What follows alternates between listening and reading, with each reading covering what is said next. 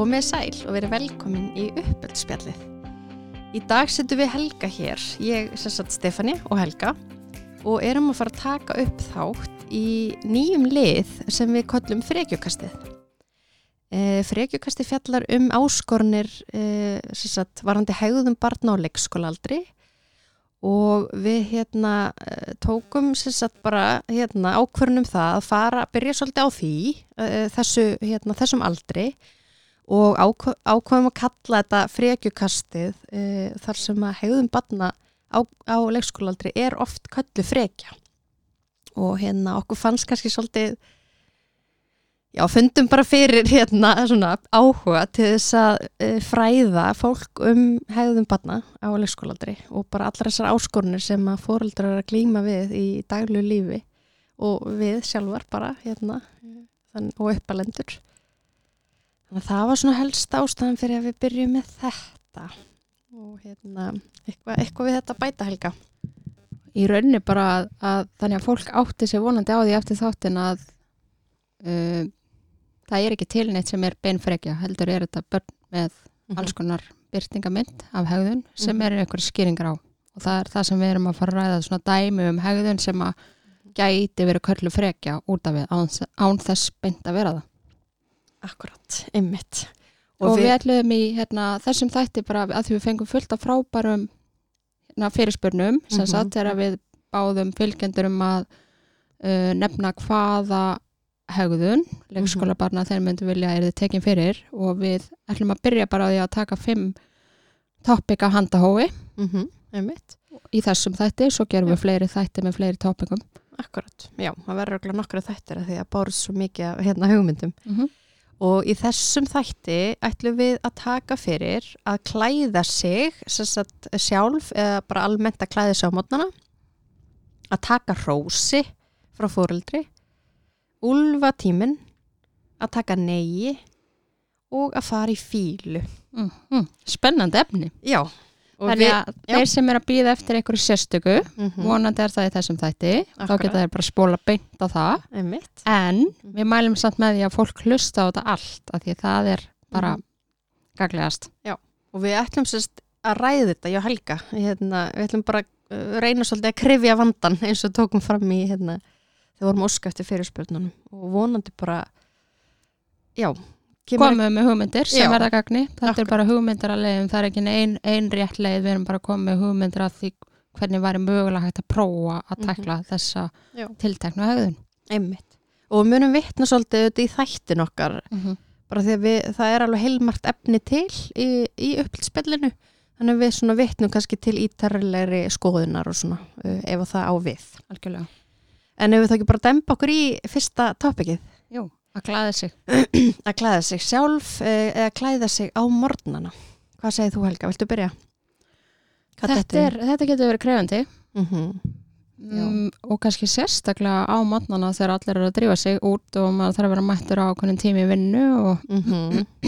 og sko þetta er alveg líka dálítið viðfænt vandamála því að þetta getur snúist um svo margt. Stundur snýst þetta um að barni vill ekki fötin sem að Mhm. er búið að velja eða það er búið að velja sjálft föt sem það vill síðan ekki fara í þannig að stundum snýst þetta um valið áður en að það eiginlega byrjar að klæða sig í fötin Mhm.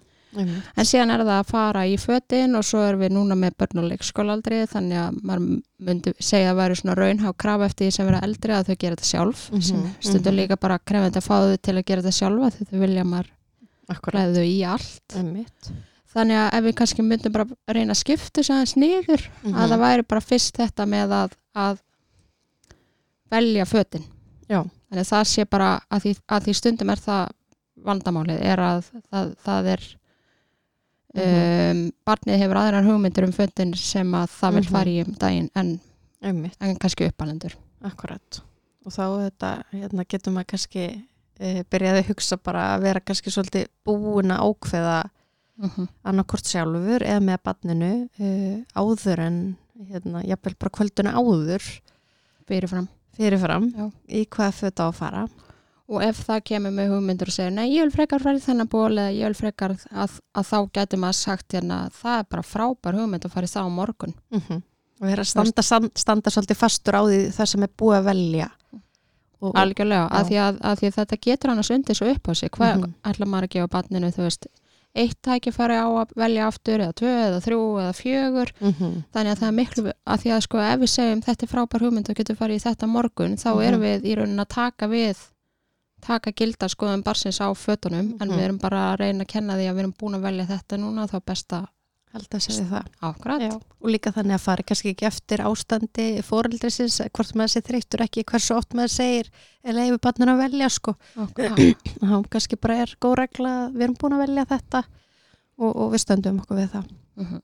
Þannig ég held að það sé, við séum alls sammála um að það sé svona mm til að koma í veg fyrir Já. um, bara leiðindi varðandi að velja föt að það var best að vera búið að ákveða fyrirfram -hmm. og svo þarf maður bara kannski svolítið að meta sem fóreldri þú veist er barnið á þeim aldrei að það geti tekið þátt í þessu vali eða, Mhm. eða Já, getur það tekið þátt í þessu vali að hluta vali sokkana en, Mhm. en fóreldri velur hitt einmitt og svo kannski einn punktur í, um þetta viðbót er að, Mhm. að hérna stundum lenda fjölskyldur líkið í að barni vil fara í eitthvað sem er onni í skuffunni sem kannski hendur ekki alveg þessari árstíð þú veist, við fara Já. kannski í eitthvað svona strandakjól þegar það er desember og þá er kannski líka bara sniðut fyrir mann sem er uppalenda að vera búin að taka þau föt úr skuffunni veist, og setja þau eitthvað staðar annar staðar þannig að það verði ekki þann ágreiningur um mjög góð punktur, já. Þannig að hafa bara í skuffunni það sem að barni má í rauninu velja. Ég held að það sé bara aðal, veist, ekki vera með jólafötin ekki vera með eitthvað strandaföt nema að sé þannig Akkurat, tímabil. Já, ok, Einmitt. en þá erum við búið Já. að velja fötin þá þarf að fara í þau. Já, og hvernig gerum við það? þá finn, finnst mér allavega svona gott að byrja aðeins að hérna, vera búinn að fylgjast með barninu áður, þú veist, hvað kann það? Mhm. Þú veist, ok, við vitum alveg að börn samt hérna, gera oft ótrúlega margt sjálf, sjálf á leikskólanum svo heima vilja svolítið meira aðstóð Mhm. þú veist, bara svona aðeins að byrja að fylgjast með hvað ræður barni við, hvað færni hefur það til þess að fara sjálf, sjálf í fötin og eitthvað svoleiðis, minnst það kannski alveg mikilvæg punktur aðeins að að að við séum í rauninni ekki að, að þú veist, með kröfu á þau gera eitthvað sem að þau ráða ekki við. Já, bara svona væntingarnar til hérna, þess, þess sem barni veit. Um, og svo þegar maður er kannski aðeins búin að kortleggja það að þá er auðvitað spurning um hérna, að maður sé með sig skýru fyrirmæli og, og, og sé búin að brjóta það niður uh, uh, þetta er náttúrulega marga flíkur sem maður er að klæða sig hann að hérna, hversu mikið þarf maður að brjóta það að klæða sig niður? Já, fara, farið í peysuna fyrst Já, eða- akkurat. Og hérna og, og, og þá er maður auðvitað viðstattur bara eins og við fórum yfir í þættunum okkur um skýrfyrirmæli þú veist, maður er viðstattur og segir nákvæmlega þú veist, farið í úlpuna núna eða farið í sokkana núna og, og svo er maður hjá barninu og fylgist með og aðstóra eða þarf og hérna þannig að við erum allavega búin að gera ráð fyrir svona, þú veist, að hugsa hvað fyrirmæli þarf ég að gefa, hver, hversu mörg skref er þetta? Aðeins átt að sjá því þá, þá, átta með maður líka sjálfur á því hvað þetta er mörg skref veist, hérna þegar, þegar maður ætlast þess að barni bara herðu klættu þig, þú veist, Mm. og maður er hérna í stress, stressinu og leiðin í vinnuna og Sjálfur að fá sér kaffi bara á kallar hann að gólandi bara klættu þið nú, það er ólíklegt til árakurs ólíklegt, sko. Mm. en auðvitað, veist, við lendum með líði og maður Mm. gerir það. Og, og sum bönnu auðvitað geta klætt sig, veist, þrátt fyrir að maður sé ekki. En, en svona, já, ég myndi allavega hafa þetta í huga. Gefa skýrfyrirmæli, bróta niður Algjörlega. vera með tilbúið. Hvar eru þið að fara að fara í fötin? Líka aðstæðnar Mhm. uh, eru öll sískinin hann í kring uh, þú veist, rópandi og beðandum aðstóð uh, hvernig er aðteglis spann veist, uh, þar það kannski bara að vera í herbyggi í ykkurum hérna, rólegum aðstæðum til að geta einbett sér að því bara að, að klæða sig Mhm. og það er kannski að vera búið að borða búa bara morgum að einmitt í svona góð jafnvægi mm -hmm. maður þarf bara að finna það út sem börn vilja klæða sér fyrst og borða svo en Já. þú veist maður þarf svolítið að meta að er, er betra að borða fyrst Mhm. og klæða sér svo akkurat svo, En- en svo er líka kannski bara ef að þetta er þú veist, hvort sem það barnið þarf að læra farninu til að klæða sig eða eins og varst að segja óskar svolítið kannski eftir því að fóreldrar aðstóði þó svo að kunna gera þetta sjálf mm -hmm. að þá kannski líka hægt að fara eitthvað svona milliveg í því þú veist, hérna, þú klæði sjálfur peysuna og buksunar og ég skal hjálpa þér í sokkana Mhm. því þeir eru ofta eitthvað sem er svona kannski erfiðast að fara í akkurat svona og svo getur maður svona hægt og rólega sagt, þú veist, nú Mhm. ferð þú í peysun og buksun og eitt sokkin og ég skal klára eitthvað Mhm. svoleiðis eða þú veist, Einmitt. ég skal setja einn og þú klárar og svo bara, Mhm. vá, ge- geggjur samvinna akkurat það var líka hægt einmitt og náttúrulega nota kvartninguna mm þú veist, vá, þú fóst sjálfur í sokkin ég sá að hérna, reyna rosa mikið og prófa þig áfram þú veist, ef barnið nærði ekki algjörlega Mhm. Að hérna vera bara með annarkort að leggja orð, orð á það sem barnið er að æfa sí algjörlega. eða þú veist, gefa þetta high five eða bara thumbs up eða bara þannig að það sjáu, þú veist. Vá, ég er að æfa með að gera sjálfur og, og ánæg með mig og eitthvað. Mhm.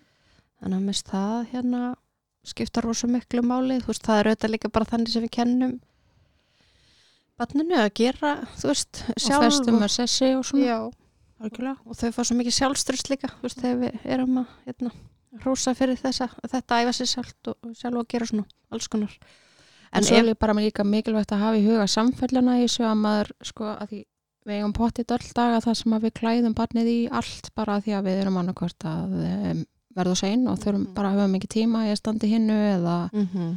Við erum ekki upplöðið í að standa í, því að taka hana slag og allt það, menn það er bara mikilvægt að hafa í huga í hvert skipti sem við eigum þannig dag, það er alltaf lægi, Mhm. að þá erum við kannski veist, svolítið búin að taka nokkuð skref aftur á bak, þannig að það er best að reyna að ef við ætlum að, að, að hérna, hafa þetta sem hefðin sem við viljum ít undir að reyna eftir fremsta megni eins mikið er hægt að gera þetta daglega og líka um helgar að því þá höfum við ennþá meiri tíma að, að Mhm. barnið sér líka að gera þetta sjálft þá Mhm. eða Já, samkvæmt sama planu og við erum að gera hína dagana. akkurat, þannig að barn, barni veit e, til, eða veist hvers, hvers er ætlast til Mm. og hérna bara, þú veist, þannig að við viti ég meina, hvernig er þetta alltaf þannig að það sé ekki óvissa um það stundum er þetta svona og mamma og pappa verða reið og pyrru þau í klæði mikið en stundum klæði þau mig og Mhm. já, minnst þetta mjög, mjög góða punktur og, Og ef maður er með einhverja nokkra hluti þá er náttúrulega eins og við höfum kannski rættum í einum af fyrstu þáttunum, það er kannski nokkri hluti sem að um, uppálandir í, í lífi barsins eru sammála um að þurfa að vinna með mm -hmm. að þá er svo mikilvægt að maður forgarsaði hvar ætlum við að byrja því við getum Já. gert allt á samtíma þannig ef þetta er atriði sem á að vinna með þá er Mhm. mikilvægt að allir sé að taka þátt í þessu að dundra barni gera þetta já, sjálft algjörlega og stundum bara svona kannski eins og Stefán ég var að segja aðan með að skapa rólegar aðstæður, stundum getur maður líka bara gert þetta svolítið skemmtilegt, þú veist, kveikt á einu lægi eða mm -hmm. gert þetta bara svolítið neðalega til að kveika Einmitt. þessu lægi á meðan þú veist að klæða þig og Akkurat. ert búin og þá máttu velja þér eitt óskalag eitthvað svona, þú veist, Mhm. til að íta þetta undir algjörlega það, er, hérna, það skiptir rosa miklu máli að gera þetta svolítið, svolítið skemmtilegt og einmitt til að tryggja kannski þetta varandi samfelluna að hérna þú veist að maður þarf þá kannski eins og mótnar að morgunrútin að vakna alltaf þá bara á sama tíma Já. og Algjörlega. hérna vera þá vissum að maður hafa alltaf þennan tíma auðvitað getur komið upp þú veist stundum einstakar sinnum að, að það breytist en, en að það sé alla dagi vikunar þá við veknum á sama tíma við gerum þetta svona og þá einmitt að taka fram eins og við höfum rætt áður að taka fram ef það er undantekning að segja bara, úps, við sváum yfir okkur í dag. Mm -hmm, og ég ætla, ég ætla aðstofa því í fötin í dag því að við höfum svo lítinn tíma. Mm -hmm, En- vanalega gerur það sjálfur eða sjálf. Akkurat. Og svo, uh, hérna, því ég elska að tala um svefn, Mhm. þá verði ég eiginlega að koma því inn hér að þetta er morgunrútinan og skiptir svo sem máli varandi allt að skoða það er barnið næjan svefn. algjörlega að því þreytt barn Já. og barn sem er ekki búið að fá næðan svefn Mm -hmm. það, fyrir það er það miklu erfiðar að fara alltaf síðan að klæða sig í föt og ég tala nú ekki um ef þetta er eitthvað farni sem barni er að æfa sig það væri svona svipa og við myndum sofa lítið og við Mhm. værum að æfa okkur í einhverju sérstökum og við myndum bara Mhm. fara beint í það eftir að við vöknum þreytt Mm Sama hvað geggja júrusunlega sem maður situr á. Ef barnið er ógislega þreytt, þá er það ekki að fara að ganga vel. Þannig að það er alltaf, já, það er þessi baklus áhrifavaldar áhrifavaldar sem þarf að hafa í huga Já. og eins með þú veist hérna næringuna ef að barni Mhm. borðaði langt á hann að fór að sofa kvöldin áður og hefur ekki borðað neitt til að vakna hann kannski þarf að Já. hugsa þú veist, er betra að borði fyrst áður en Mhm. að við förum í þetta mission Mm Akkurat, einmitt.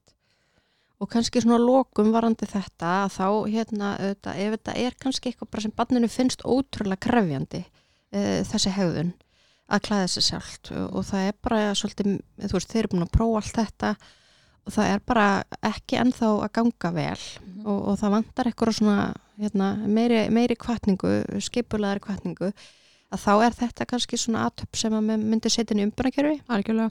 Og hérna og það er, við erum búin að gera þátt um sér þátt um umbunarkerfi sem ég mæli klálega með að þið hlusti á eða ætla að prófa að setja upp umbunarkerfi að það er alveg bara rosa mörg atrið sem að það er í huga en, hérna, en, en þetta er eitthvað svona atrið sem, að, sem ég myndi til dæmis ráðleggja fóreldrum eða við væri búin að prófa ímislegt ekki sem fyrsta, ekki fyrsta sem skref. fyrsta, nei en, En- hérna, ef við erum búin að prófa þessa Já. punkta sem okkur dætt í hug hér að þá væri gaglegt að setja upp umbönukerfi ég held að sé Mhm. líka alveg örgla held alveg örgla að sé inn á heimasíðinu dæmi um já, umbönukerfi já, akkurat. En það er hægt að skoða það en það er það bara að ha- að hafa, hafa í huga að hlusta þáttin áður en að maður græjar umbönukerfi Já. þannig að ég myndi bara, já klálega, klálega skoða það. Eh, þannig að barni upplið ekki alltaf og, og þið sem fjölskylda farið inn í veginn, þú veist, þetta gengur alltaf ógislega erfilega og barni fer inn, inn, inn í leikskólan einhvern veginn bara, ó, þú veist, ég get aldrei klætt mig sjálf og þetta eru alltaf ógislega leðilega mótnar. og allir hvað, hérna bara pyrraður út í húsinu einmitt, þannig að þetta er bara klálega verkvari sem að, ég myndi mæla með í, í svoleiðs aðstæð. ef þetta er svona Já. krefandi fyrir barni Akkurat. Yes. Eitthvað fleiri sem þetta er huvarandi þetta. Helga, varum við dembum okkur í næsta. Ég held ekki, bara Nei. í gróðan dráttum þá er þetta með fatavalið og Mhm. síðan hvernig við getum gert það sem hérna, þægilegastar aðstæða fyrir barnið að glæða sig í föttin og ef það gengur ekki að nota umbunni kerfi. Og svo líka náttúrulega þetta að nota sjónrætt skipulag, veist, og hérna, eða skrifa niður fyrir eldri börn, þú veist, skrefin, þannig að það er svona, svona í Mhm. tengslu við, við þetta skipulag sem er hægt að gera aukaðlega. Þannig að bara um að gera. Algjörlega. Yes. Ok, þá er næsta topic að taka rósi. En Það er skemmtilegt efni. Það er mjög skemmtilegt efni. Já, ekkert bara við um krakk og leikskóla aldrei. Nei, er bara einmitt ábara allan aldur, fullan Já. líka. Akkurat, heldur betur. Hvað segir þú? Vilt þú byrja að taka hérna ingangin í því? Eh, Já, ég hérna um, ég, kannski bara að höfum nokkur orð um rós áður en að Já. við ræðum svona leiðir hvernig er hægt að, að Mhm. hjálpa barni við að taka rósi. Akkurat. Það skiptir máli um, hvernig rósið er að, þannig að þegar við notum orðið rós þá erum við að meina að, að sko við gefum einstaklingi til kynna hvað það er sem hann er að gera vel þannig að við tökum eitthvað sem einstaklingurinn gerir og rósu fyrir það og það Mhm. þarf að hafa í huga að maður rósi í rauninni frekar það er svona æskilegra og að, að maður rósi fyrir sko í rauninni vegferðina í staðan fyrir árangunni þannig að maður Mhm. rósar fyrir það sem að barni leggur á sig fyrir Mm -hmm. útkomuna í staðan fyrir að rósa útkomuna það er alltaf lægi að rósa af og til á, á hérna Já. útko, rósa af, af og til fyrir útkomuna en það sem það getur gert er að barni verður þá svolítið bara skilgreina sig út frá því sem það afrekar í staðan fyrir Mm -hmm. einhvern persónulegum eiginleikum sem það hefur Já. þannig að dæmum þetta væri þú veist hérna það er mist, svo gaman að sjá hvað þú vandar mikið við myndina í staðan fyrir að segja að þetta er flott mynd Mm -hmm. Akkurat. Og einmitt börn eru uh, komin ykkur flott föt eða eitthvað svoleiðis að hérna, þú veist, mikið varstu duglega að prófa þig áfram í að klæði sjálf eða að velja Hérna. velja föt fötin, einmitt. Mm Algjörlega. Að því að, að því að sko stundum eiga börn er með að taka rósi að því að þau vita, vi, viti í rauninni ef, ef við rósum fyrir veist, myndina, þetta er fín mynd þá, þá held ég að, að mörg börn viti kannski ekki heldur alveg hvað Hvað við myndina er Já. fín. já, akkurat, Já. veist, Mhm. ok, þetta er fín mynd og þau vita þá kannski heldur ekki alveg þú veist, þá sem segja takk sem veit ekki hvað þau eiga að segja. En svo er þau svo leitandi hvað þarf til þess að ég fá að heyra þetta aftur. Akkurat. þannig að það skiptir svo miklu máli að rósi sé lýsandi fyrir það sem að okkur fann, fannst eftirsóknarvert við Mhm. það sem barni gerði sem er yfirleitt ekki afurðin Nei, heldur að sjá þau skapa mm afurðina. En við, erum, við gerum þetta líka bara við, við, við hvort annað veist, Mhm. sem fullari fólk að við erum of ofta rósa fyrir útlit eða, eða Mm -hmm. dugnað eða eitthvað Mhm. svoleiðis Mm -hmm. Akkurat, já. Og, og þing börn, sem fólk tekur í rektin eða hvað hleypur rætt í staðan fyrir að segja bara að ég er bara dáðstæði hvað er duglega að fara á æfingar einmitt, að mæta og hérna, láta sér líða vel og hugsa um sig og eitthvað svoleiðis það Akkúrat. skiptir máli í staðan fyrir, þú veist, Já. ákvæmlega hvaða þingdir og tekur að ákvæða hraða og hleypur þannig að Mhm. ég, þú veist, samfélagið er svo sem alveg svolítið miðað í þess átt þess vegna er bara mjög mikilvægt að, að maður þjálfi börn í þessu snemma en, en sko að því punktunum var kannski að taka rósið, veist, Mhm. það er kannski líka hægt að æfa það bara með hlutverkaleik ef að maður er búin að æfa sér sjálfur sem uppalandaði sem er Mhm. mjög krefandi að hafa rósið nógu Já, lýsandi mhm, og nákvæmt veginn akkurat um Já. eitthvað sem barnið í rauninni gerir og rós ef það er lýsandi Mhm. og um það sem barnið gerir þá er það til þess fallið að auka líkvöndar á því barnið síni þessu sömu högðun aftur Mhm. sem að gera það að verkum að þegar maður segir fín mynd eða flottu kjóla þá, þá veginn er það ekki neinn högðun sem við erum að rósa fyrir þannig að við erum ekki að auka líkvöndar á neinu með því Mhm. Einmitt. en síðan ef, ef maður er svona búin að efa sér sjálfur því og það, veist, það er alltaf lægi að hitt koma inn á milli, ég er alls ekki að meina Mhm. það en þetta er bara Nei, svona að, mikilvægt að hafa þetta í huga Já en þá getur verið gott að fara í hlutverkaleik Mhm. Mhm. sammála því, Já, eða að æfa sér að taka rósi algjörlega prófa bara aðstæðnar og setja upp eitthvað dæmi og Mhm. Hérna. og, og ég meina ef það eru kannski tveir fullornir uppalendur sem að eru í lífi barsis, hvort þeir Mhm. búa saman eða ekki, það Mhm. skiptir ekki máli þá geta þeir kannski byrjaði að svona mm sína, þú veist, að Akkurat. því sömum finnst þetta bara ótrúlega óþægilegt, það veit ekki alveg hvað er að segja, hvað er að gera, hvort þeir að brosa eða líta niður eða hvað það er Akkurat, algjörlega og þá er svo gott að kenna bara strax, þú veist, þegar eitthvað segir eitthvað um Mhm. að maður gerði eitthvað vel Mhm.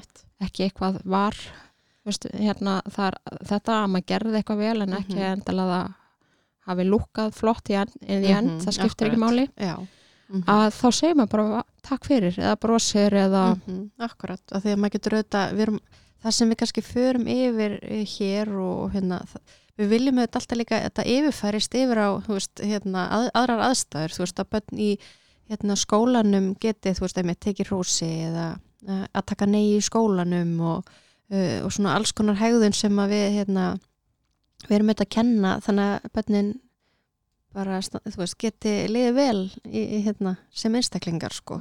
Þannig að mér finnst það mjög góð punktur að fara í hlutverkuleik og æfa sig, hvað getur maður sagt? Þannig að maður fara ekki alltaf í ég veit ekki, þú veist, eh, vörn eða verð vandræðilegur eða hérna og auðvitað bara rósa banninu eða segja manni, te maður tekur þetta samtal og hvað er það sem að þið finnst óþæld við að taka rós, eða þú veist, þegar ég segi þetta og fara í smá svona lausnaleit sko, líka að hérna heyra sérstaklega, auðvitað þegar banninu og eldri getur bara tjá sig meira.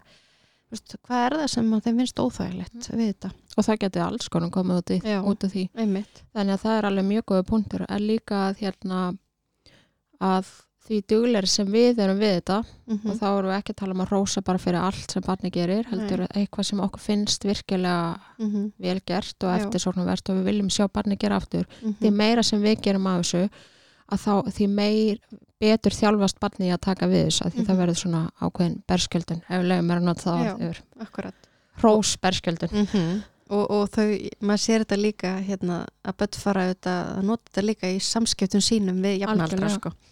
og, og hérna kennarinn sína að rósa þeim og hérna og, og þetta svona dreifist sko og hérna, fyrir yfir á aðrar aðstæður algjörlega. Og það er líka kannski bara mjög mikilvægt að hrósa þeim fyrir þegar þau taka hrósunum. Mm -hmm. einmitt, akkurat.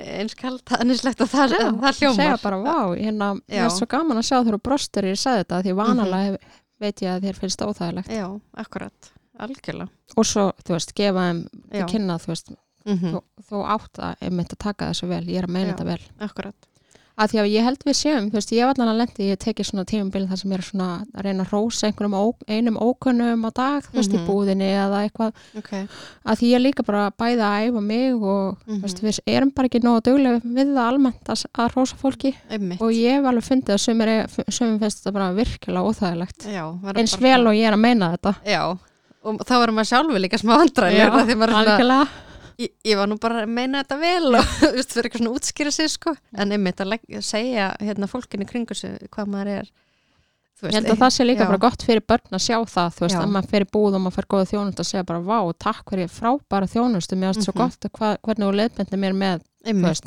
stærðin á þessu Mhm. eða eitthvað. mm því við erum þetta fyrirmyndir og, hérna, og börn læra bara, þú veist, við erum bara með beina kennslu, allt sem við gerum sem uppalendur, við erum bara þau, horfa, horfa á okkur og þau bara svona, ok, já. Svona gerum maður. Svona gerum maður, svona á maður að gera. Þetta er hérna eftirsóknarvert og þetta er eitthvað sem að fólki finnst gott og gaman og, og skemmtilegt og svona, þannig að það er alveg bara engin pressa en þú veist, veist þau er að fylgjast með manni. En þetta er bara svona punktur úti að þetta geti hjálpað börnum að æfa sig að taka rósi ef að við not, temjum okkur svolítið að rósa bara almennt í kringum okkur og rósum barninu Mhm. þegar okkur finnst að hafa gert eitthvað Já. segi, sem við viljum sjá aftur. Já. Og rósa þið fyrir að taka rósinu mm akkurat og hrós þetta hérna er besti vinnur sjálfsmyndarinnar Mm. e, þannig að það er bara ótrúlega mikilvægt einmitt að, að við erum auðvitað að leiðbenna börnum um hvað er e, svona æskilegt þegar við erum að hrósa, við erum að leggja orða eitthvað sem að viljum sjá meira af sem er Mm. sem almennt er viðkynnt samfélaginu og svona Mm. Þannig að það er auðvitað ótrúlega mikilvægt að, hérna, að börn e, já, bara upplifi að hrós sé það er eitthvað innihald þú veist, vá, ég, ég er sammála, ég virkilega var að leggja á mig, Mm. þú veist, þú sást greinlega ekki bara einmitt fyrir, þú veist, þú snillingur eða sem maður gerur þetta líka en, hérna, en, en að hafa þetta svolítið svona, að því að maður veit líka að maður fær sjálfur hrós sem maður er ekki þú veist, maður er ekki einhvern veginn að skilja það eða sammála, það er úsla perrandi Mhm. eða þú veist, og maður veit eitthvað neina ekkert alveg hvað maður á að segja Nei, þannig að eh, þú veist, ég held að við getum öll eftir okkur í þessu að rósa á einhvern veginn svona skýran og nákvæman hátt. algjörlega Það er svona útgangspunkturinn, ekki nema þú setur með eitthvað, Nei, ég held að það er aðalega þetta að bara já, að hérna að við æfum okkur í rósinu Mhm. getur tekið hlutverkaleik með barninu hvernig Já. það Mhm. hérna, getur tekið rósi og Já. komið nokkra möguleika sem að Mhm. þú veist kannski vilja bara byrja að þið brosa það Já. er erfitt að segja takk eða Mhm. gaman að heyra eða hvað Já. það er Einmitt. og síðan að við séum bæði að, að, að hérna að við séum að rósa öðrum í daglegu lífi og barninu endur tekið því þá þjálfast það líka í því að taka Já. rósunu Og þetta getur maður líka rætt að er barnið, þú veist, hvað, hvernig getur maður liðið, þú veist, ef maður er að fá hrós og gefa öðrum hrós, hvað, þú veist, hvað getur það haft í för með sér? Tekið svona smá samtal um þú veist, hvað er gott við það að gefa rós og að svona skemmtilegar umræðuröglu sem myndast út frá því ok. Ef þú þá ekki bara demba okkur í þriðja efni, Hvað var það? það er úlfatímin Já, já, það voru sérst nokkra svona undirspurningar en við tókum þetta saman sem úlfatímin og þe- með úlfatímanum þá erum við meina sérst tíminn þegar að búa að sækja barni í leikskólan stundum byrjar hann bara um leið og barnið er sótt. Mm -hmm. bara Já. á lóðinni eða inn í fataklefunum mm -hmm. og stundum byrjar hann e, í bílnum á leiðinni heim eða þegar heim er komið. Það er svona allir gangur því og þetta er í rauninni bara að þú veist, barni er hvað ég var að nota, ómögulegt þú veist, það getur grátið, öskrað yrðalöst, pyrrað uh, beitt eitthvað skona ábeldi alls konar. Algjörlega, já ertu ekki með eitthvað töfra ráð við þessi stefni mín? Já, ég get nú ekki sagt það. En ég auðvitað hérna eh, vill bara byrja því að nefna elskulega svefnin og næringuna. Bakgrunns áhrifaldana þú veist, hérna að, að börnin séu vel kvílt algjörlega. Að þau séu búin að fá eitthvað gott að borða eða fá þau um leið að þau eru sótt eða komin heim. Ég, ég, ég set alveg mitt að hvað á bara helst um leið og þau eru sko áður en þau koma heim veist, ef, Mhm. það er, ef þið eru viðkomið það þarf ekki vera mikið en Mhm. mér finnst maður stundum mm og þetta á alveg líka við um fullanum fólkið ef það er búið að vera á Algjörlega. fulli í vinnu Já, og svo kemur einhver að það og maður bara alveg mm -hmm.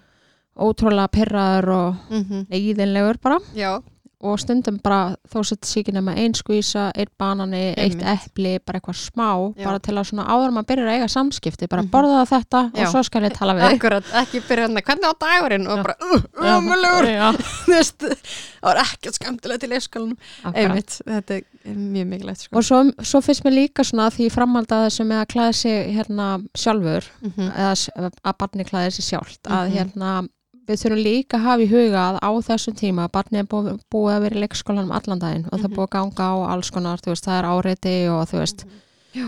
við vitum ekki hvað búið að borða yfir daginn og við vitum heldur ekki ef þau en það er kvild nákvæmlega þú veist, það stendur kannski hvað þau sváfu en þú veist, við erum ekki alveg með þetta nákvæmlega á hreinu hvernig dagurinn gekk fyrir sig og Mhm. eins og segið, þú veist, ótrúlega mikið áreiti Mhm. þau voru kannski að læra eitthvað nýtt þú veist, þannig að þau eru bara búin mhm, og þau raunverulega eru búin já og þá skiptir svo miklu máli að við séum þarna á þessum tíma með kröfunar í lámarki Mhm. Þú veist, við erum í rauninni bara að hugsa um að, komast í gegnum þetta tímabil á Já. sem bestan hátt mm Mhm, þannig ég myndi segja ef að, ef að það er til dæmis verið að vinna með að klæða sig mhm, að við séum til að byrja með mhm, að taka það aðalega á morgnana. Akkurat mögulega náttfötin mhm, skilur, en Mhm. að þarna bara hjálpu við barninu, en við segjum það nú ætlum ég að hjálpa þér að klæða því ég veit Mhm. að það er búið að að vera allan daginn á leikskólanum og ég veit að þú ert bara þreytt núna mhm, svo ég ætla að aðstöða því í fötin. Mhm, þú veist, þannig að maður svona veist, e- ef við hugsaum um bara svona orkutanga og við höfum rætt í einhvernum þáttum að þar barnið er í rauninni bara með eila tómantang já og ef við ætlum að fara að setja ykkur að kröfur á það að klæða sig eða þú veist, fara í búðina eða eitthvað einmitt. Eftir leikskóla. Já, þá er það kannski svolítið okkar að átta okkur á því að við erum bæði að setja okkur og barni í Mhm. aðstæðar sem að já, einmitt. barni ræður ekki við og eiginlega ekki við heldur. Nei, bara alls ekki. Einmitt þetta að hérna, einmitt ekki vera kannski að æfa sig í ykkur stórkurslu á þessum tíma og skipulegja svolítið einmitt með þetta í huga. Það er engin orka, það er tómur tankur. Matur, matur uh, kvíld uh, takmarka áriti. Veist, hvað, bara svona að vera búin að sjá þetta fyrir og skipulegja svolítið hérna daginn og svona ef maður getur allavega. Þú veist, það sé eitthvað svona róleg stund eða eitthvað hugulegheit þegar maður kemur og til að bara svona uh, koma öllum í jafn, jafnvægi. Akkurat Uh, og hérna svo er auðvitað veist, útivera og, og allt þetta sem við vitum að er þú veist, bara ótrúlega góð fyrir, fyrir börn, þau eru kannski aðeins búin að ná að eh, svona kvíla sér eftir leikskóla, fara aðeins út áður en að maturinn kemur, kvöldmaturinn og já, minnst þetta svona hvernig við skipuleggjum Mhm. hérna aðtapnir og, og einmitt þetta með kröfurnar, þú veist að við séum ekki einmitt að hérna barnið er að fara að koma heim, fær kannski að horfa á eitthvað og svo er maður að fara að slökka á því til að gera eitthvað, þú veist, fara í eitthvað rólega stund, eitthvað erfitt og það verður bara eitthvað kaos, þú veist, hvernig ætlum við að skipulegja það sem er í bóði á þessum tíma Mhm. með það markmið að barnið þurfi ekki að fara úr eitthvað ógæslega leið, leiðilegu í- eða úr eitthvað skemmtulegu leiðilegt, eitthvað svoleið sko, Já, þetta það líka í hug. Algjörlega. Hvernig við setjum upp uh, uh, daginn og við myndum kannski líka reyna að velja eitthvað hluti þannig að sem að barninu svona alla jafna finnst skemmtilegir veist, Mhm. og, og það mér finnst líka bara svo mikilvægt í þessu að því að við erum svona mjög oft sjálf þú veist, Mhm. ef að ég er þið sótt í vinnuna ég er búin að vera í vinnunni allan daginn Já. og ég sótt í vinnuna mm -hmm. og, og þá bara, herðu, nú erum við að fara í húsgagnambúð og það, það er engin næring ég Nei, er að fara að gera eitthvað sem ég Mhm. hundleðilegt Þú veist, þannig mér veist við líka þurfa að setja okkur stundum bara í spór barnana, þú veist, til hvers er ég að ætlast að þeim á Mhm. hvaða tímapunkti yfir daginn, þannig að þú veist, ef barninu finnst vanalega erfitt að perla þá erum við ekki Mhm. að fara að stinga upp á því perla þú veist, það er eiginlega dæmt til að verða Mhm. einhverjum leiðindum. Akkurat. Þannig að stundu getur bara verið gott að vera búin að punta hjá sér eitthvað hluti sem koma til Mhm. greina, veist, það er hægt að hafa eitthvað svona tvíkosta val,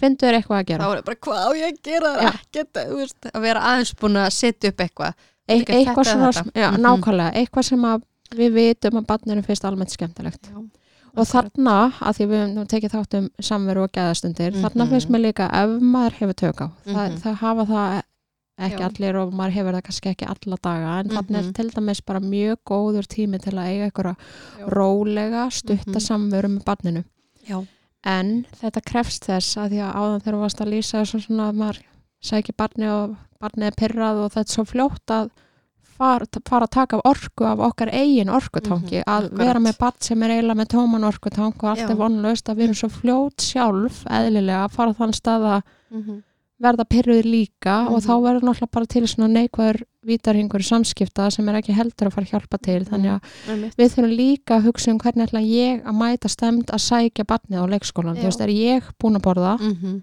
akkurat er ég búin að fá mér, þú veist, síðdeis kaffi mitt eða er ég Mhm. búin að ná að hlusta bara á eitt lag í bílnum áður en að ég fer inn og Mhm. sækja barnið eða er ég búin að lesa yfir Já. fréttina sem ég langar að lesa yfir Mhm, það skiptir líka svo miklu máli já, þannig að ég segi bara ég að hafa mat í bílnum alltaf eitthvað Mhm. smá Mhm. sem bara, það þarf ekki að vera heil máltið bara eitthvað Nei. smá sem að maður getur eða í töskunni sinni láti barni fá Mhm. Mhm. og sjálfan sig ef Já. maður þarf að að halda Mhm, Akkurat, algjörlega. Ég held að sé alveg margir sem tengi við þetta Mhm. sko.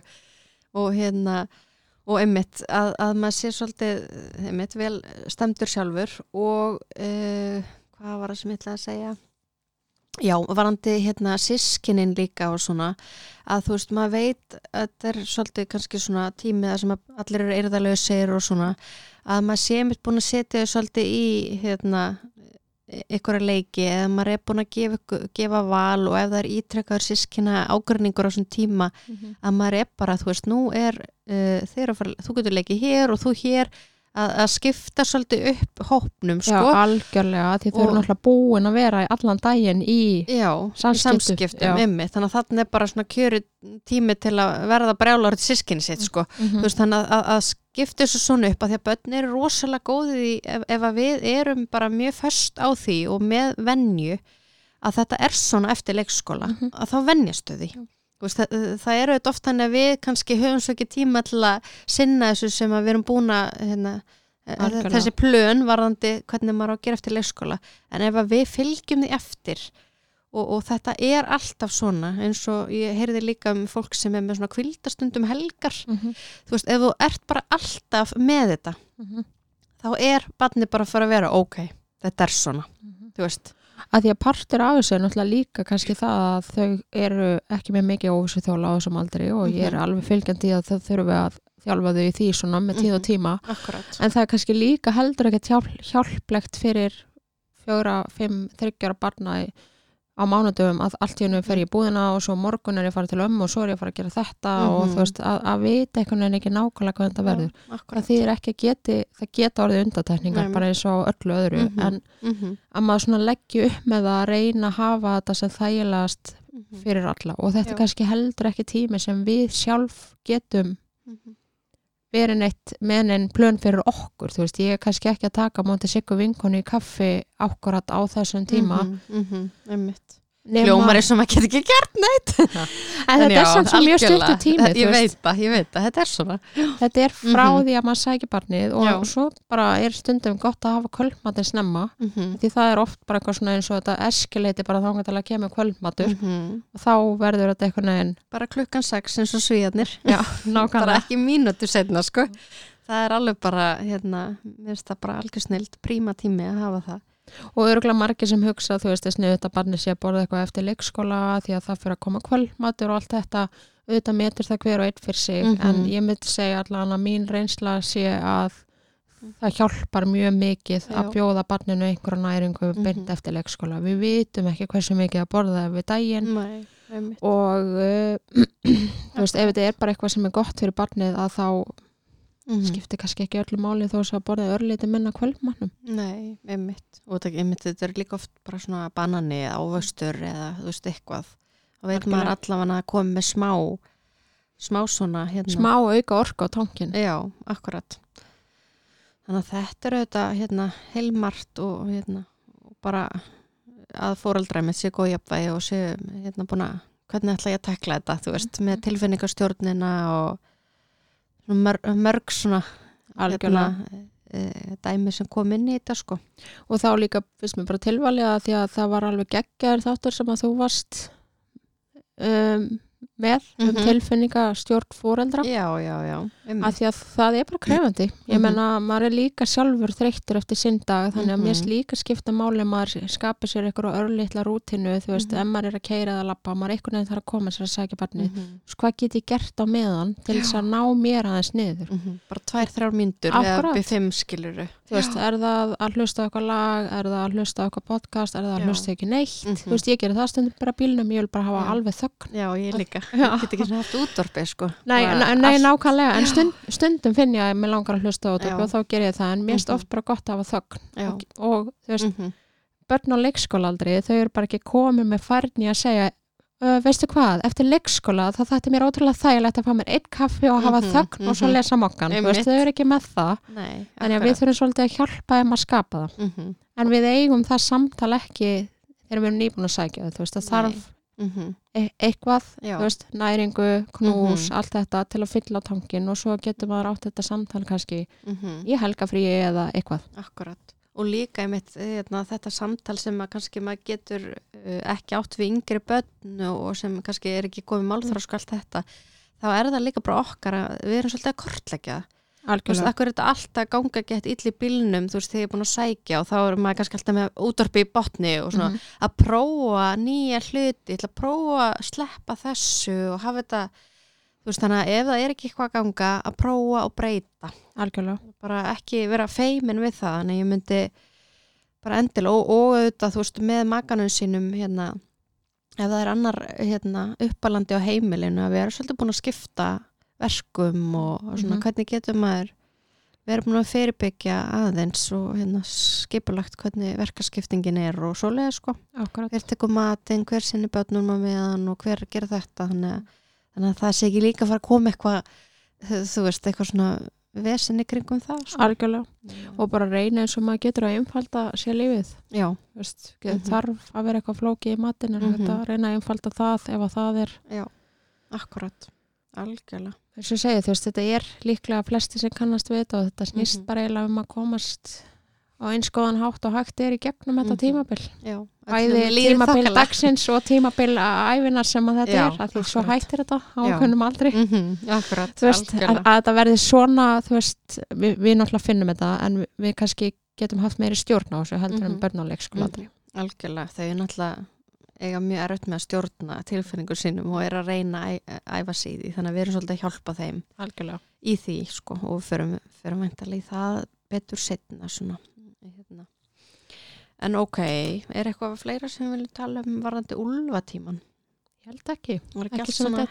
ekki sem þetta eftir í hug. helst að komið fram ok, og dembi okkur í næst síðasta það er að taka neyi Ok, það er svolítið skemmtileg færni að læra, góð færni að læra gott að kunna. Já, mjög gott að kunna það. Og það feilur auðvitað sér að, að, hérna, að þegar við sem uppalendur uh, eða aðrir bara í skólanum eða hvar sem er, hvað sér, vinnir, einmitt, akkurat, að, að maður geti tekið þegar að aðrir segja nei. Og þetta er auðvitað bara gríðilega mikilvægt, uh, mikilvægt félagsferðni Mhm. bara upp á einmitt, að maður plummi sér svolítið í lífinu, sko, almennt. Þannig að hvað segir þú Helga, er þú hérna, þú byrja, byrja varandi þetta Um, já, mér finnst svo sem alveg nokkra leiðir í þessu en Mhm. mikilvægast af öllu þarna er að finnst mér allavega að byrja á því að útskera fyrir barninu einhvern tíman í aðstæðum þar sem það er ekki nýbúið að fá nei heldur Mhm. bara að það er í góð jafnvægi og við erum bara mm -hmm. góður stund og það er ekki úlfa tímin Akkurat það er bara sunnudags morgun og kósi og, Mhm. og, og að, að sko byrjaði að útskýra fyrir barninu hvað það þýðir að geta tekið nei mm þú veist, hvað, hvað er það? Já. Af því það er alveg aðtöfn út af fyrir sig sem að Mhm. skiptir máli að barni kunni og þá aftur að því ég er svo hrifun af hlutverkilegjum Mhm. Ég elskum hlutverkaleg Já, af því að þú veist, meina, börn, hvernig eiga þau að þau hafa ekki færni að sjá þetta fyrir sjá, sjá þetta fyrir í höfðun á sér, þannig að einhvern veginn þurfum við að hjálpa þeim að sjá hvað við eigum við og þá Mhm. er eiginlega besta leiðin sem getur notað. Mhm. Og það virkar á allt auðvitað Nákvæmlega. bara, bara svo við tökum það fram algjörlega, Já, já að þarna myndi maður, þú veist, fá einhvern með sér lið Mhm. og, og, og, og leika hvað það er að taka Mhm. Mhm. Einmitt. Hvern, hvað, hvað þýðir það? Mhm. Hvað þýðir þegar það er sagt nei við mig? Og mér erst alveg, þú veist, það fer auðvitað eftir aldrei nú erum við alltaf að tala um leikskóla og ég glemur mig stundum og stundum að með þetta er já. eldri börn.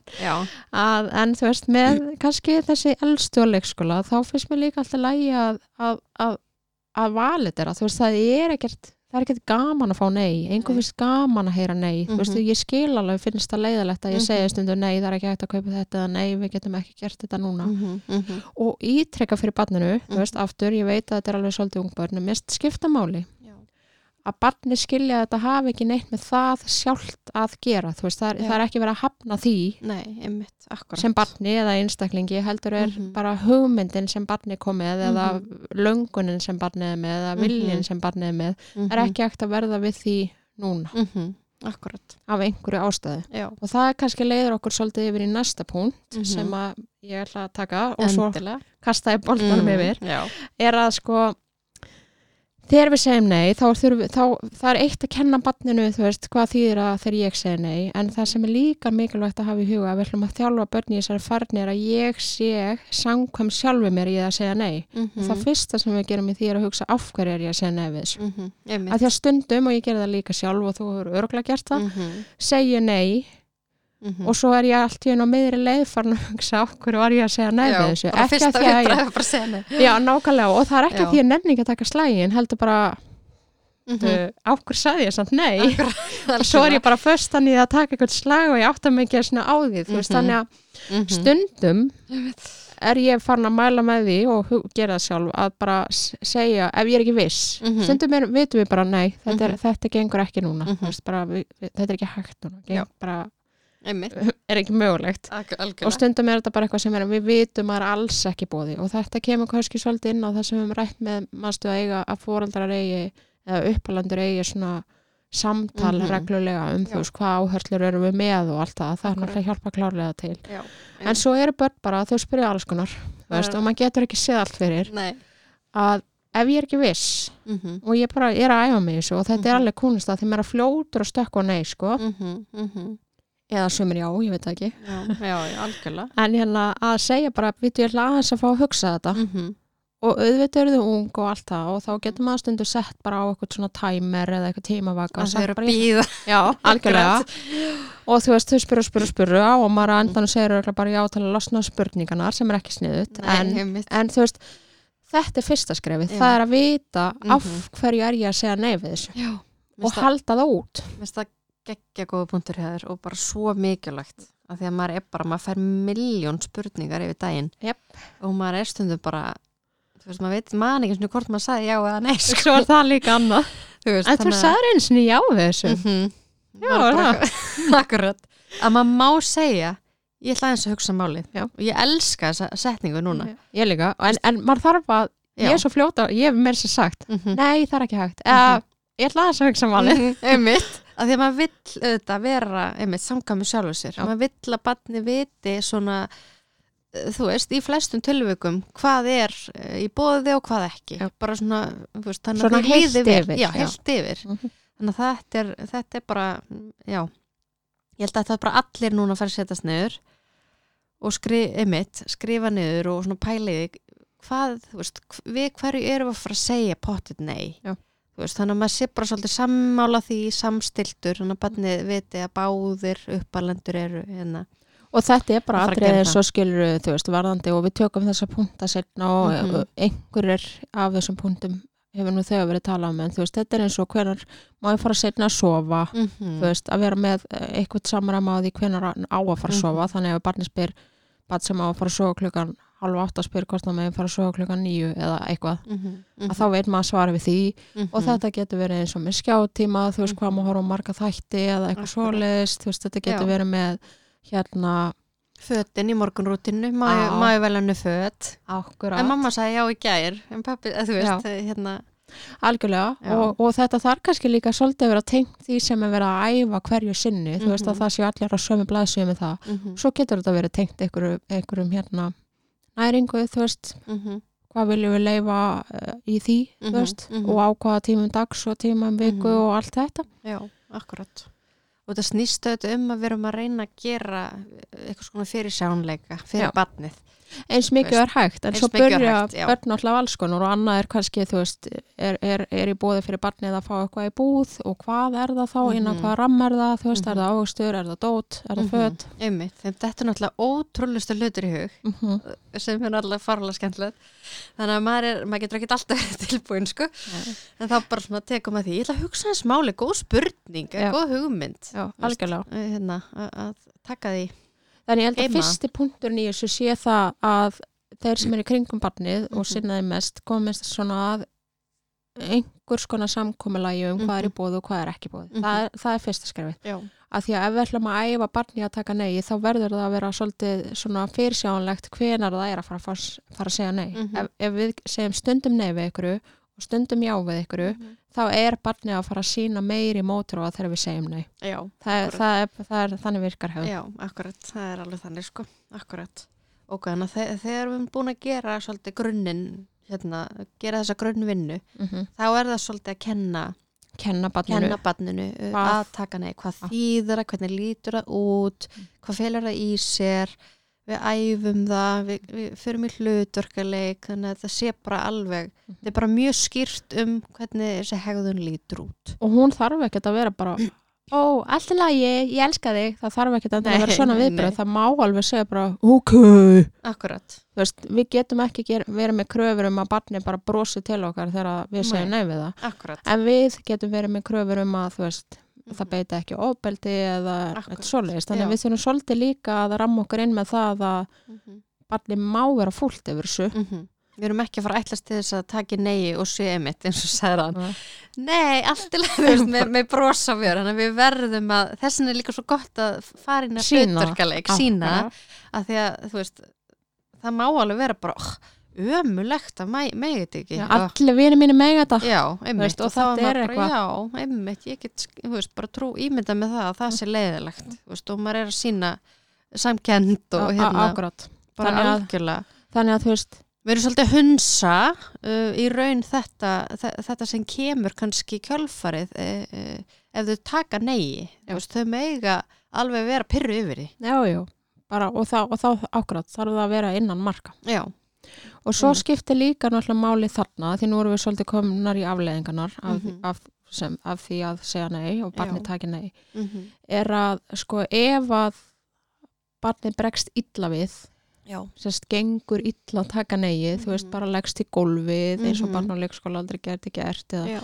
hleypur í burtu eða Mm þú veist hendinu dóti í búðinni að maður hefur nú síðan aðeins gerast Jú, jú, ég líka sjálf bara í mínu lífi Akkurat. að hérna þá verðum við að vera samkvæm okkur Mm þá erum við aftur komin inn á þetta þarna Mhm. þarf, er svo gott að vera búin að ákveða Mhm. já, það er bara, við erum búin að ákveða það að ég er ekki að fara að kaupa svona keks í búðinni Já, að þá Akkurat. get ég staði með mér í staðin fyrir að við förum að verða óörug Mhm. eitthvað, uh, Mhm. á ég að lefa þetta eða, eða ætti ég ekki að gera það mm akkurat. og þegar barnið sér síðan krefjandi höfðun, við erum búin að skjóta á nei, ég ætla ekki að lefa þetta. Mm svo fer barnið að sína krefjandi höfðun Mhm. og auðvitað þeim sko ísjast vegi út úr þessum aðstæðum er að segja bara ok, fáðu þetta. Já, það er lang auðveldasta leiðin. Já, í aðstæðan. í ákvarðat í mómentinu það er bara ok, barnið hættir að haga Mhm. sér svona, kaupi keksi, það brosir. Já, eins og við hefðum viljað gerð, að það hefði gert þér að nei, en það gerði þetta ekki en þá Akkurat. erum við eiginlega bara búin að pissa í skóun okkar þarna sko, af því Mhm. að síðan næst þegar við förum í búðina, Já. þá vil barnið eitthvað annað Mhm.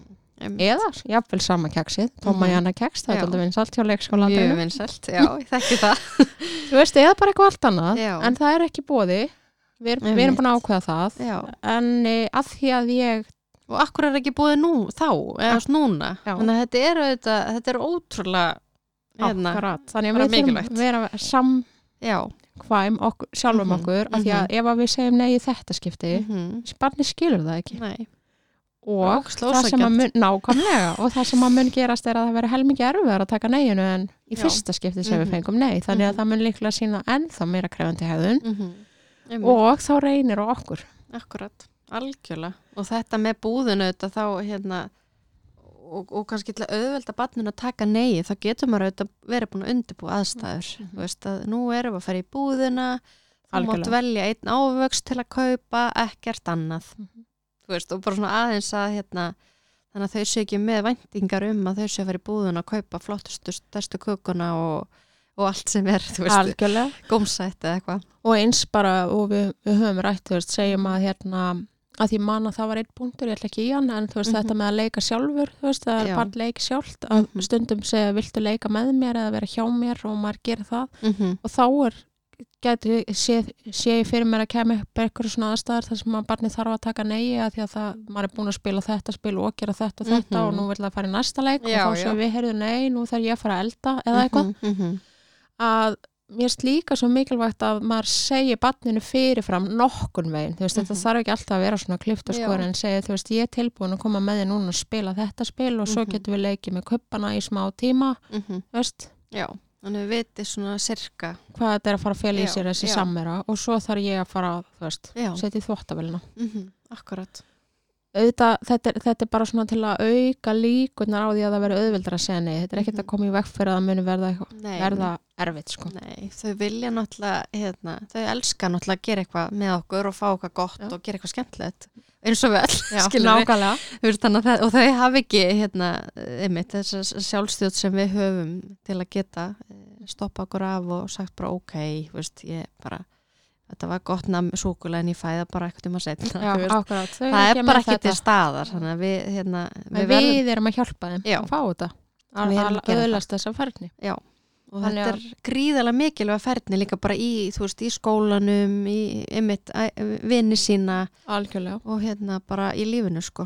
Þannig að það er líka að því að veist, það er alveg stundum erfitt að segja nei sem uppalandi og stundum langar manni bara helst að segja já við öllu sko. Já, æða því að það þarf maður ekki að taka neitt slag og barninu verðast það bara að líða betur mm en til lengri tíma litið erum við samt alls ekki að gera barnanu greiða með þessu vegna þess að Mhm.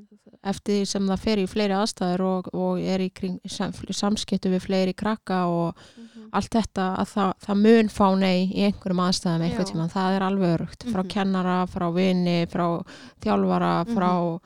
Einhverjum fjölskyldumöðulegum, frá sískinni tala nú ekki um það einmitt, veist, þannig að við erum að hjálpa barninu að Mhm. eiga auðveldar með þetta Já, setna algjörlega, það er bara, maður verður að hugsa, þú veist, þegar maður er í þessum aðstæðum, bara ég veit, svo mikilvæg færni, hann verður að læra þetta, hún verður að, Mm. bara, þú veist, við viljum ekki að batni sé að henda sér í gólfi eða vera að brjála þegar vinnið er að segja nei, þú veist, hérna, þetta er bara mjög mikilvægt. Já. En mér er kannski svona síðasti punkturinn verið í þessu ef að, Mm. ef að hérna, þessar hugmyndir ganga ekki og þú veist þetta kemur ekki á einum degi þetta er færdi sem að maður er að þjálfa Já, lengi. Mm akkurat. en það væri ef, ef þetta er mikið vandamál svona Mhm. svipað við sögðum með hérna að klæða sig. Veist, ef þetta er mikið vandamál þá finnst mér hægt að setja upp tímamöndi svona tákkerfi, kannski útskýra það eins algjörlega og það, það er einmitt þáttur um tákkerfi Já. Það er svona e, e, sko umbunarkerfi meira svona rútínu hegðun sem hefur upp á endi tákkerfi er eitthvað svona færni sem barni er að æfa sig, einmitt eins og taka negi mm -hmm. og hérna og, og, og fleiri atrið bara svona í samskiptum að, að, að veist, vera kurteist og svoleiðis Mhm. þannig að þá getum að gripið að þegar að það tekur neginu á æskilegan hátt. á æskilan hátt eins og þau eru búin að fara yfir og æfa og, og eins og maður gerir í er, veist, hvernig lítur hegðunin nákvæmlega út? Mhm. og, og hérna og, það er auðvitað gott ef þetta er mikill vandi að æfa þetta á einhverjum afmörkun tíma, ekki úlfatímanum. Akkurat, og veist, þegar barni er í góðum fílinga því að alltaf þegar við erum að setja upp einhver svona kerfi þá viljum að barninu takist. Algjörlega. Þú veist, við erum að gera þetta til að barninu takist þetta kann fara að gangi, ganga betur og að læri færnina þannig að, hérna, að setja upp tákkerfi ákveða tákn með barninu og, og hérna núna þú veist, á þessum tímdagsins ætlum við að æfa okkur í að taka neyi og þá fær barni tákn þegar það te- tekur neyi á æskilan hátt algjörlega. og getur þá sapna sig fyrir ykkur hérna, og, og bara endilega kíki inn á og ef þið ætlið að setja upp svona kerfi bara í gegnum allan þáttin og fylgja öllu nákvæmlega hérna,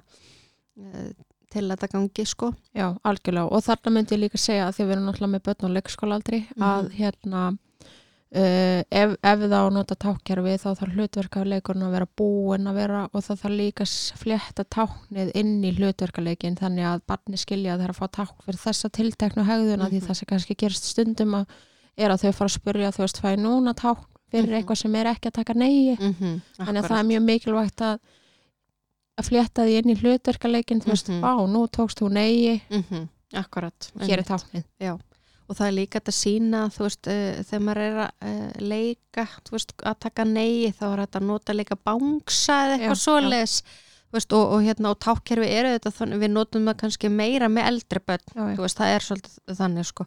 en hérna, en svona þegar þú ert að klára leikskóla þá er þetta að byrja að kynna svona mjög, mjög afmarka hegðun uh, en einmitt, bara þannig við vitum nákvæmlega uh, hvernig. Og það þarf að grípa það, er talandi um rósið það Já. þarf að grípa þetta líka hvort sem að maður er með táknið eða ekki. Já, að ef við erum að æfa þau í þessu og þegar þau ná að taka negi innan ramma, Mhm, ef við það þannig. Akkurat. Ekki með brosa vör en svona Mhm. án þess að henda sér í gólfið. Mm að þá grípu og sem vá hvað flott hjá að taka nei. Ég Akkúrat. veit og skila þið finnst það samt erfitt. Mm einmitt. Og þá erum við að rosa fyrir hegðununa mm nákvæmlega. Þar að við viljum að hún komi mm sem oftast fram. All það ekki? right, ég held það.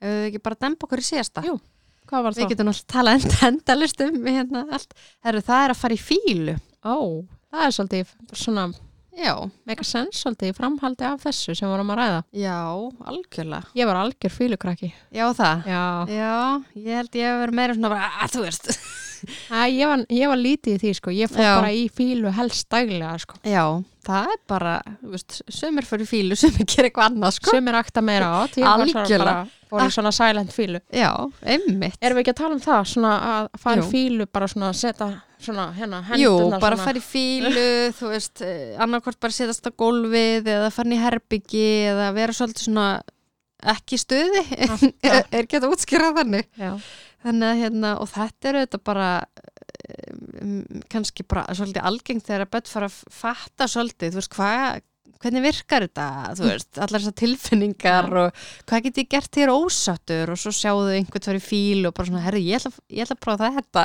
algjörlega bara þetta er partur alveg af þroska ferli Þetta er partur eðlilegt. Já, já, já. þroskaferlinu. Þetta er ekki frekja. Nei, alls Þannig að ekki þetta er bara partur að því að læra Ja. hérna, hvaða leiðir maður getur farið í. algjörlega og svona sem framhalda að taka neyið þú veist, þá Mhm. væri það að fara í fílu Mm innan ramma hjá barni á leikskóla aldrei Já, það er ekki já. að henda sér jörðina en það er bara ætlar ekki að tala og snýr sér undan akkurat. og þetta er stundum mm -hmm. er þetta svolítið svona fyndið, þetta er svolítið Mhm. krútlegt líka Algjörlega, einmitt. allan að hjá þessum yngri og hérna, en þetta er bara í rauninni ég myndi segja að það að fara fílu Mhm. ef við erum að tala um það bara svona eins og segja, ekki að beita ábeldi eða Nei. öskraða neitt, þannig heldur bara svona Mm Já, ég tala þá bara ekki við þig já, og ekki tala við mig. Já. Ekki tala við mig. það er samt eh, á, hjá svona allra yngstu börnunum á leikskóla er þetta samt bara ágætis merki um sjálfstjórn að geta þetta í Algjörlega. staðin fyrir að missa sig alveg Akkurat. en til lengri tíma litið er þetta náttúrulega ekki gaglegt eins og ég fann sjálf sem krakki þú veist, það ert farin að gera þetta við vini og kennara Já. og allt þetta þannig að Mhm. það þarf náttúrulega líka að, að læra ykkur að betri leið. tilfinningastjórn Já. eftir sem maður verður eldri Akkúrat. en á þessum aldri þá held ég að nema barnið sé bara aðeins í öllum aðstæðum að þá er þetta kannski hegðun sem við eiginlega bara hunsum Mm og reynum að hlæja ekki af Já, einmitt, við erum bara svolítið að gera lítið úr Já. þessu, þú veist, ég meina þetta er bara frábært, einmitt eins og þú sagðir, ef að þau gera þetta í staðan fyrir að hérna, verða eitthvað, reyðið að beita ofbeldi eða hérna, og ég meina þau eru bara, þau eru kannski bara ósátt Já, og þau eru bara að algjörlega. sína það að þau séu ósátt, þú veist, þannig að á þessum aldri er þetta bara, bara, maður er ekkert að rósa fyrir alls þetta, og, það er það sem við Bara- að passa okkur á að Já. eldast ekki við þetta. Akkurat, í rauninni bara hunsa, vera Já. til staðar vera þarna séð þú ert ósátt, það er alltaf lægi Akkurat, akkurat. Og svo hrósa þegar barnið kemur tilbaka þú veist, akkurat. Að hérna bara og leifa því að vera í friði. Segja Já. bara ég er hérna, ég kíkja á þig en að Mhm. leifa því að vera í friði að vegna þess að það sem við held minni fílu þegar ég var krakki er að Mhm. það kom alltaf einhver já, og ég bara beið eftir, ég var farin að kíkja alltaf svona já tjekka, fær hér ætlar að náttúrulega koma. svolítið aðtekli út á þetta Mm. og, og það er auðvitað það sem að börn þrá hérna frá fóreldrum og, og, og við auðvitað verðum að skoða svolítið fyrir hvað erum við að veita algjörlega þetta er kannski svona gott, gott dæmi um það hvað við viljum reyna að veita ekki aðtekla því að Já. aðtekli eins og rós mm að hún, hvort sem hún er neikvæð eða jákvæð, ítir undir hegðun. Þannig að ef ég fæ aðtekli fyrir að fara í fílu -hmm. að þá mun ég gera það aftur sinn akkurat Þannig að þetta er kannski bara svona hegðun sem að mér finnst maður á góðan hátt bara geta sagt bara ég teka eiginlega ekki eftir þessu. nei, einmitt En maður það líka að passa sig að brosa ekki að hlæja. Ég hef stundi gert það með mína krakka. Þetta er Einmitt. alveg svolítið fyndið sko. Þetta ge- þú því það er svo jákvæð sko. aðtekli sko. Já, já, akkurat, að- algjörlega Ég hef stundu þurft að bara snúa mig við og... Já, svona aðeins að hérna, passa, passa sig að fara ekki látuskast Já. En, En, en auðvitað verður þetta leðilegt þegar krakkar eru farnir stundum með tala svona fílustjórnun og allt Mhm, þetta. En það já. er náttúrulega þegar, þegar maður er farin að stjórna með fílu þá þýðir það að maður er að fá aðtekli fyrir hann. Já, Þannig að maður í akkurat. rauninni, ef barn fyrir fílu, mm -hmm. þá lætur maður það bara alveg í friði og ef það fór í fílu að því að það fekk ekki eitthvað mm -hmm. þá erum við ekki að fara að gefa þér hlutin að því að fór í fílu Nei, því akkurat. þá erum við farin að styrkja fíluna Mhm. Og auðvitað í þessu samingi þá hérna, er maður auðvitað að, að svolítið að kortleggja af, barnið er byrjað að gera það með svolítið mikið Mm. og hérna, fyrir hvað er það alltaf að fara í fílu og þá vill maður auðvitað kenna nýja hegðun eða nýja ferðni já. svo maður vill kenna barninu hvað getur maður veist, gert þegar maður lendir í svona í skólanum eða hvað, þú veist, í, uh, hvað, hvað getur maður gert í staðin eða og það er bara svolítið að æfa sig í ykkur öðru. Akkurat. Þú veist, hérna einhver annar hefðun. Ég held annarri dæmis að sé mjög algengt hjá krökkum á leikskólaldra að fara í fílu eða tap í spili já, eða tap í einhverjum leik. mm veist. og fullornum held ég Já, Ég held sé svona viðvanandi þú veist þetta hjá mér kannski.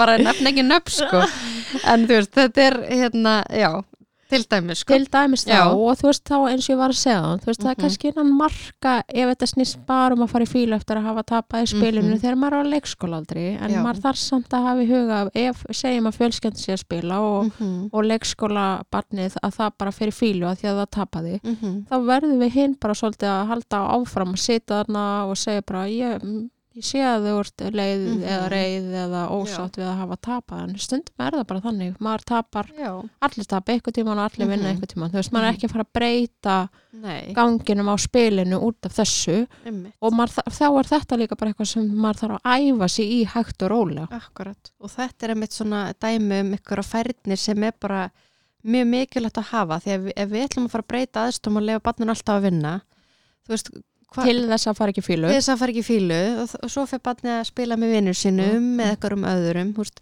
við erum að kenna barninu til þess að það geti teki, tekist á þessar aðstæður annars þar, algjörlega.